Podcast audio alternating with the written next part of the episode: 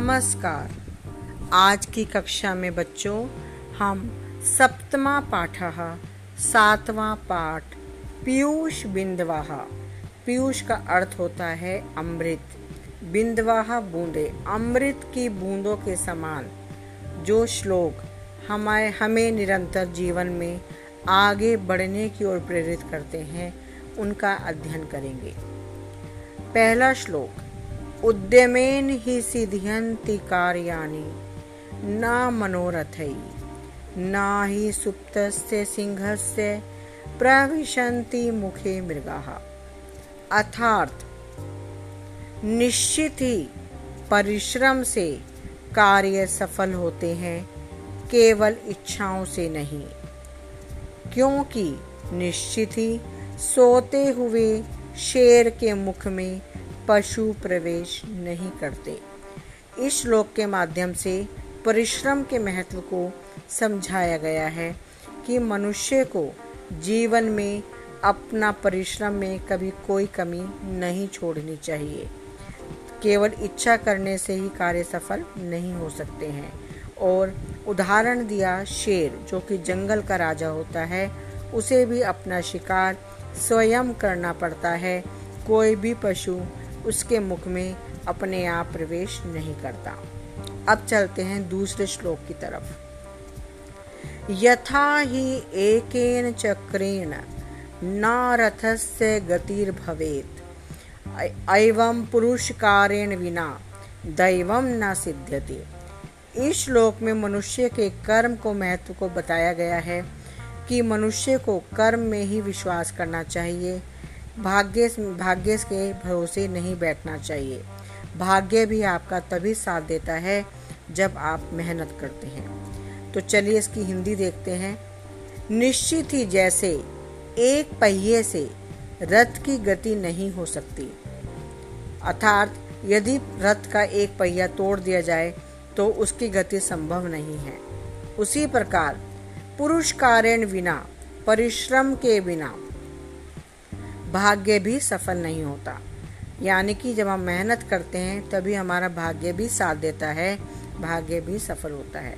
तो एक बार दोबारा श्लोक हिंदी देखते हैं।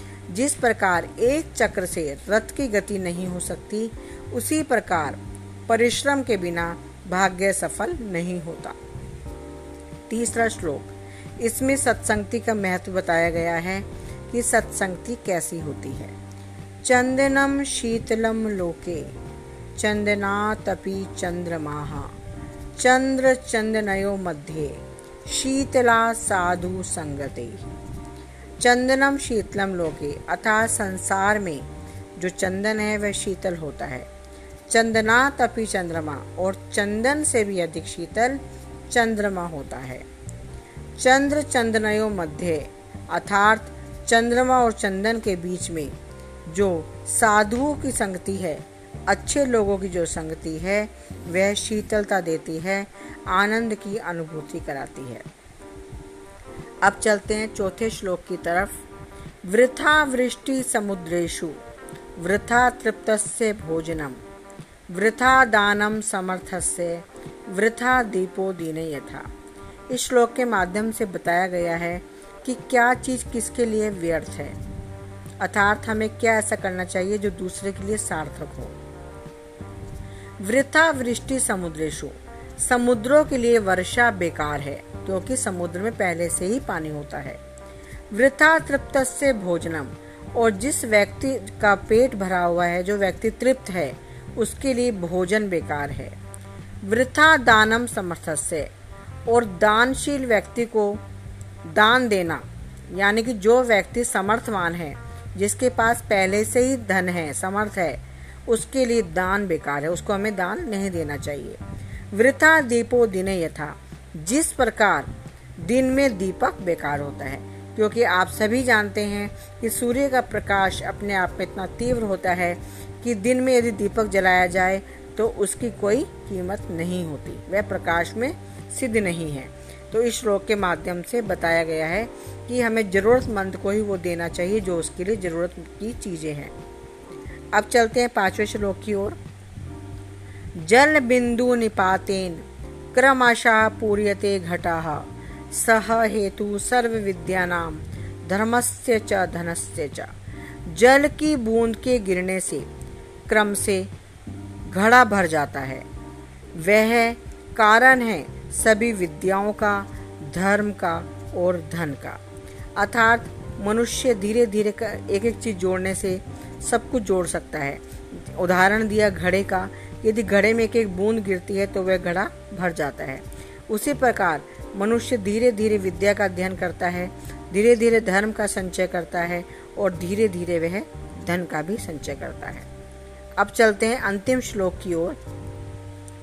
अलसस्य कुतो विद्या, अविद्यस्य कुतो धनम अधनस्य कुतो मित्रम अमित्रस्य कुतः सुखम।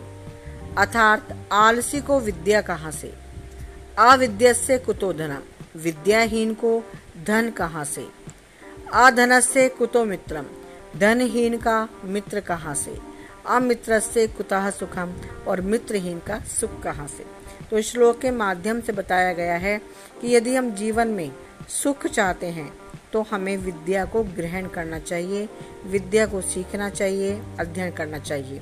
क्योंकि सभी सुखों का जो सुखों का जो मूल है, वो विद्या है। तो यदि हमारे अंदर आलस होगा तो हम विद्या नहीं ग्रहण कर सकते।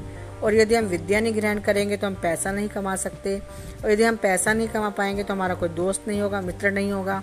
और जिसके जीवन में कोई मित्र नहीं है तो उसके जीवन में कोई सुख नहीं है।